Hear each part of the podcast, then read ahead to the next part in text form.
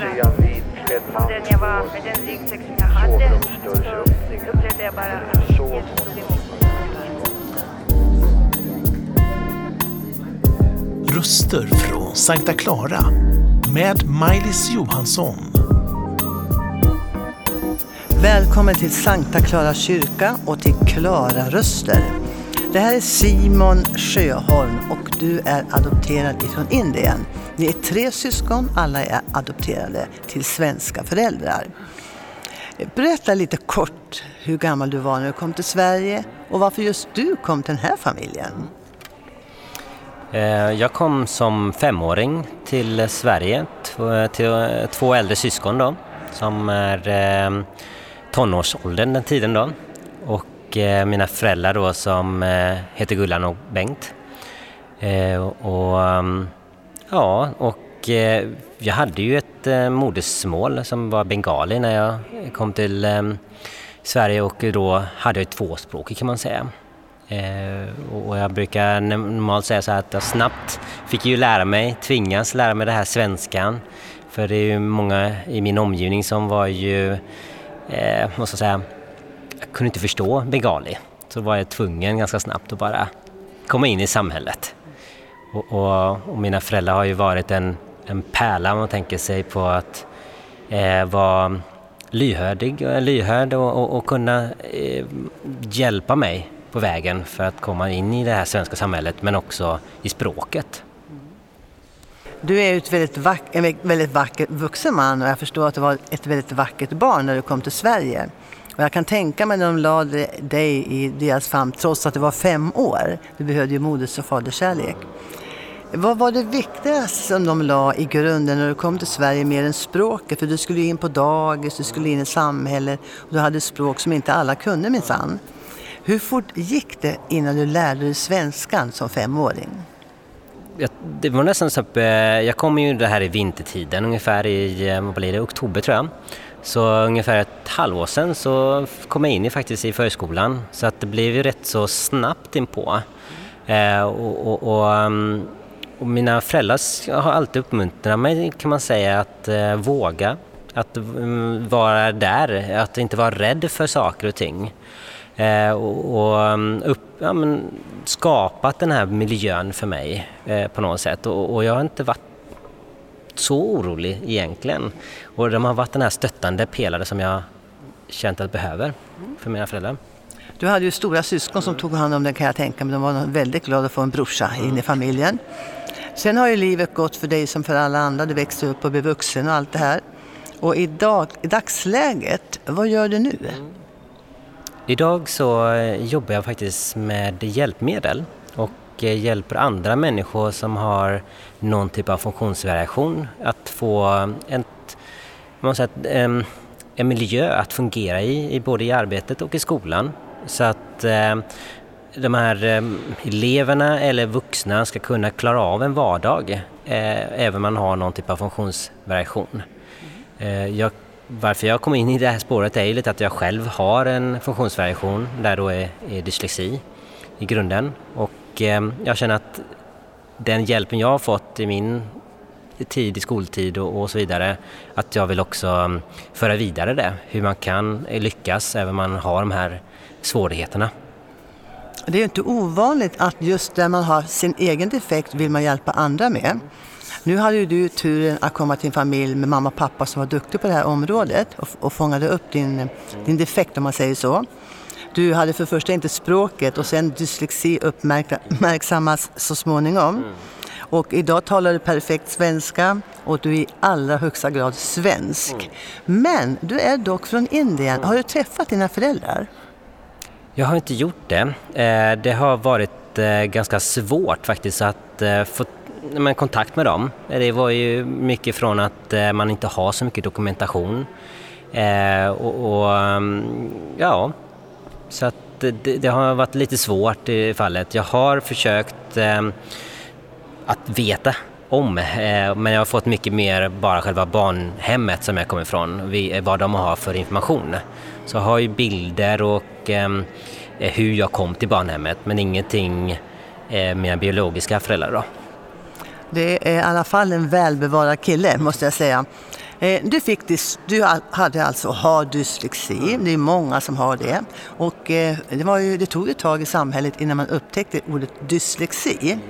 Och det är ju ett lidande för många människor. Eh, du kom ju in på en bana som heter kristet. Och det var ju då dina föräldrar som naturligtvis förde dig in i den kristna vägen. Tala om när du fick möte med Jesus för första gången i ditt liv. Eh, men som du säger eh, så här att eh, på grund av att jag har ju från början kan man säga kommit in i en kristen sammanhang så har ju det lett till att jag mer och mer har ju sökt vem är Gud och vem är Jesus och så vidare. Och, och mm, första gången jag mötte eh, verkligen Jesus i mitt liv var någonstans där men i tonårsåldern när jag kände att eh, eh, det var ett läge, kommer jag ihåg, och, och vi hade verkligen ett just samtal om eh, vem Gud är och, och, och, väckelsen i sig själv. Och jag kommer ihåg när man bar, bar, bara hur Gud egentligen kom i hjärtat och bara rensade och bara så man bara grät utan någon anledning. Och då kände jag bara, men det, det här är vad Gud gör. Den rör, berör och den ändrar sina egna tankar och leder framtiden. Jag har hört den där berättelsen, eller tankarna, att mm Jesus han kommer säkert säga så här till dig när du är i himlen sen. Vet du vad du gjorde då och då? Nej, säger du, det kommer jag inte ihåg, men det kommer Jesus ihåg. Mm. Och då säger han, vet vad jag gjorde då? Jag räddade dig den gången ifrån människor som kanske skulle varit otrevliga mot dig, retat dig, kanske mobbat dig. Mm. För många människor som har med Jesus att göra får ju många som ber för sig mm. också. Så att en dag i himlen kommer vi få veta alla bönesvar som vi inte vet idag.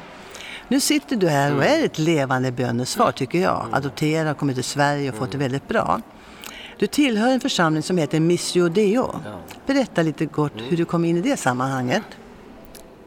Eh, jag kom i det här sammanhanget när jag flyttade, jag kommer ju från Göteborg eh, och eh, när jag flyttade upp till Stockholm så sökte jag en församling. Jag sökte en lite, kan man säga, lite mindre församling för jag känner att jag kommer från en ganska stor församling, Smyrnakyrkan i Göteborg och jag känner att jag behöver det här mindre för att komma in igen och ett, sammanhang. Och, och, då när jag kom in i sammanhanget så var ju egentligen att eh, jag visste om att den här kyrkan fanns och det är för att en av pastorerna är min kusin eh, och eh, i det fallet så bara, men varför inte? ta chansen och, och, och, börja lära. Jag hade inte så väl kontakt med min kusin då, men mer än nu. Mm. Så på den vägen kan man säga. Och jag kände att eh, det var, de har också det här just fokuseringen på det här med ungdomsbiten, eh, att plantera väckelsen, att man har bibelstudierna. En ganska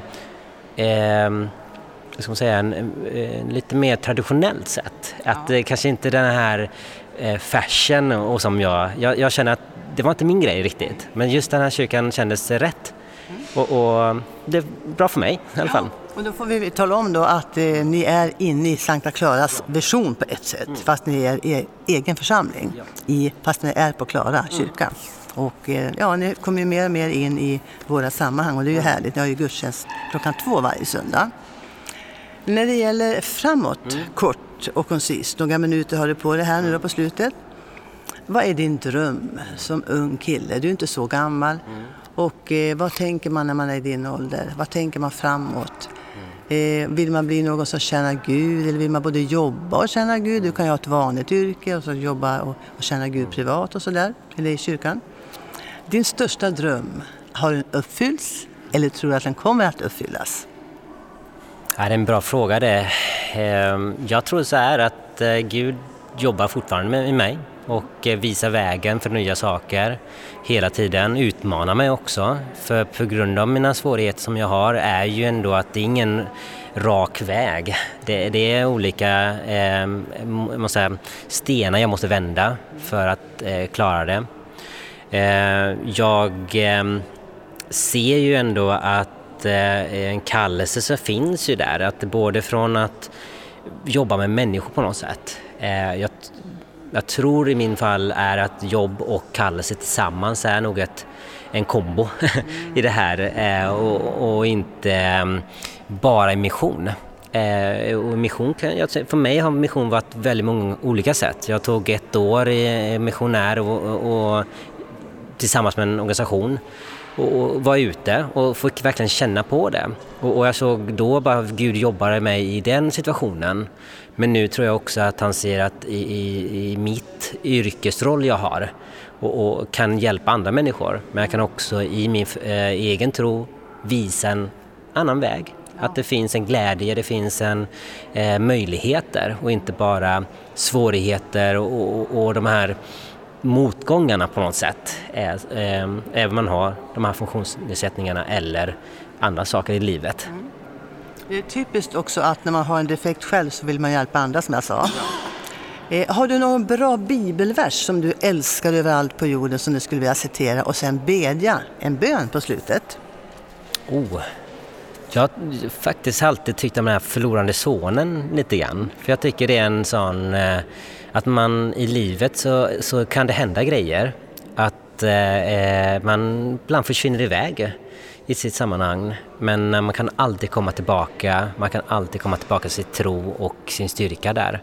Att det finns en, en, en stark eh, kärlek i det, att man kan förlåtas. Vill du be då för de som kanske har tappat sin aktiva tro på Jesus? Att de får komma tillbaka. Så varsågod och be en slutbön för dessa människor. Mm. Tack Herre Jesus för att eh, du är bland oss Herre Jesus. Tack att du eh, omsluter oss i din kärlek, din energi Herre Jesus. Jag ber att du eh, på något sätt ser alla de här människorna som har på något sätt tappat sin tro eller inte har sin tro Herre Jesus. Att du på mer och mer kommer in i deras hjärta, väcker väcker någonting, väcker deras liv till ett glädje, väcker deras energi för att söka Herre Jesus. Du, du ger så mycket energi och du ger en, en, en värme som ingen annan har. Även om man har sina biologiska föräldrar och omgivning men du finns alltid där i varenda liten situation. Så jag ber Herre Jesus att du så en frö i varje person och så att de söker efter din glädje, din energi, din, eh, din kärlek. Så ber en sann kristen ung kille som heter Simon Sjöholm ifrån Indien, adopterad till Sverige och har det riktigt bra i livet. Guds frid önskar jag dig och lycka till med dem du kommer att hjälpa med dyslexi och olika saker av behov. Du har varit jättefin att lyssna på, så jag önskar dig Guds frid. Tack så väldigt mycket att jag fick vara här. Har denna berättelse berört dig på något sätt? Eller kanske vill du att vi ber för dig? Kontakta oss på info snabel-a sverigeskristnaradio.se